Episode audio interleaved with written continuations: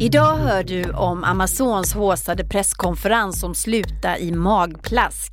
Och så om entreprenören Farshad Ban som ska utvisas. Han har byggt bolag och betalat miljoner i skatt här i Sverige. Systemet är obegripligt trasigt och jag har mitt liv som bevis, säger han.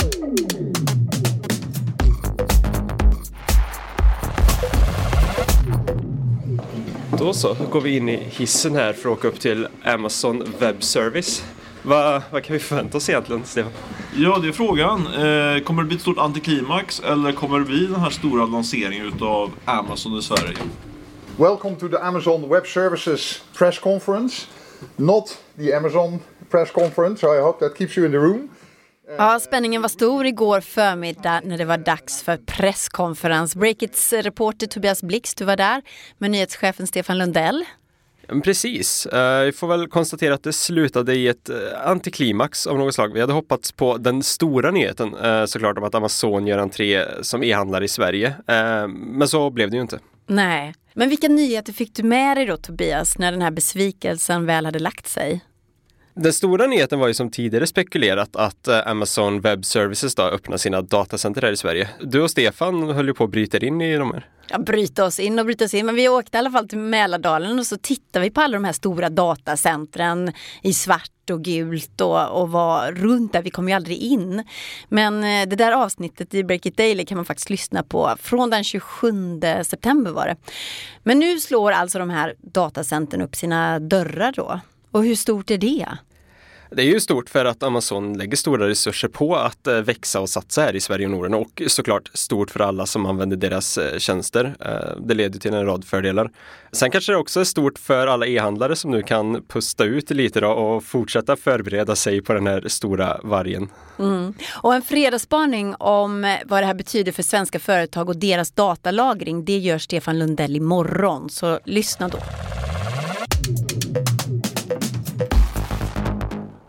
Så, så kan du bara säga vad du åt till frukost. Um, jag åt inget. Jag hann aldrig. Du hann inte idag? Okej. Okay.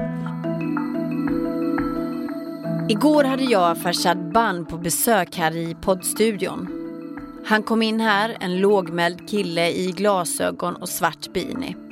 Farshad Ban är 28 år, entreprenör och utvisad. Han måste ut ur Sverige på söndag redan.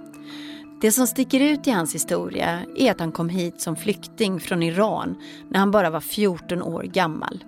Ändå blir han utvisad nu och han förstår inte beslutet. Så för mig, jag förstår verkligen inte hur de arbetar. Jag är uppväxt här så um, jag älskar fortfarande Sverige. Um, jag har ingen aning vart jag kommer ta vägen nu. Um, jag har ingen aning vart jag kan, om jag någonsin kommer få ett land, um, det är så ostabilt som det kan bli. Det som gör Migrationsverkets beslut så obegripligt för Farshad Ban är att han drivit företag i Sverige, designföretag. Han har anställt folk och betalat skatt. Um, så jag tänkte alltid, eller jag trodde alltid att mitt arbete kommer bli min väg till frihet. Och han gjorde det samtidigt som ett utvisningshot hängde över honom. Så man lever med den här rädslan. Så um, design var egentligen min väg att um, fly från tankarna. I en lång artikel på Breakit har Farshad Ban beskrivit hur hans liv ser ut idag och vad det lärt honom att leva i ständig osäkerhet om han ska få stanna i Sverige eller inte, samtidigt som han har byggt bolag. Jag lärde mig vad stabilitet i livet egentligen betyder. Har man inte det så lever man alltid i rädslan att du kommer inte ha morgondagen. Ehm, allt kommer tas ifrån dig. Och det har skapat en flight or fight mode som är alltid igång. Ens ehm, sätt att tänka ändras och man kan aldrig gå tillbaka. Så man ser på livet på ett annorlunda sätt jämfört med de som har alltid levt ett stabilt liv. I sin artikel beskriver Farshad hur han brottas med Migrationsverket över fel som han gjort som företagare. Det handlar om missade försäkringspengar på några tusen kronor, skriver han. Uh, hos Migrationsverket så är det endast uh, några rader på ett papper där de väldigt snabbt går igenom och tar ett beslut som ändrar ens liv. Vänder ens liv upp och ner. Och det är de inte riktigt medvetna om. Den här typen av historier har vi blivit ganska vana vid och uppröras över. Unga techtalanger som blir utvisade. Deras arbetsgivare protesterar, politiker håller med och säger att det inte borde få gå till så här. Och så Migrationsverket som säger att de bara följer reglerna. Men...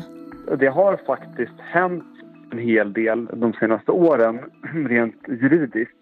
Det här är Johannes Forsberg, jurist på Centrum för rättvisa som har hjälpt flera techtalanger som riskerar att förlora sina uppehållstillstånd. Framför allt genom att Migrationsöverdomstolen kom med två stycken domar för nästan exakt ett år sedan, det vill säga på Lucia-dagen 2017 de så kallade Lucia-domarna underkände en rad utvisningar som grundade sig på små summor som inte betalats in för till exempel försäkringar. Migrationsverket skulle inte tolka lagen så hårt. Det blev domen.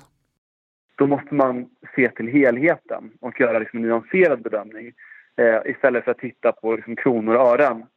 Men Lucia-domarna handlar om personer som har uppehållstillstånd i Sverige som anställda, inte entreprenörer som Farshad Bam. Eh, och där kan man säga att där har inte hänt någonting egentligen. Utan när det gäller förutsättningarna för entreprenörer att få, få ha uppehållstillstånd i Sverige så är det liksom väldigt snåla och stränga regler kan man säga. Vad vill ni göra åt det här då, åt entreprenörernas situation?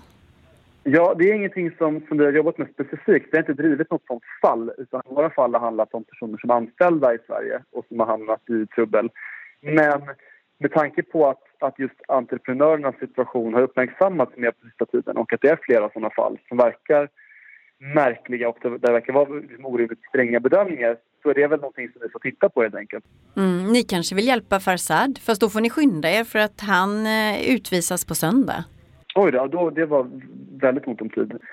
Men vi ska se vad vi kan göra i alla fall på det här området. Break It Daily är tillbaka med fredagsspaningen imorgon. Hör oss då. Ola Aronsson är ansvarig utgivare och jag heter Katarina Andersson.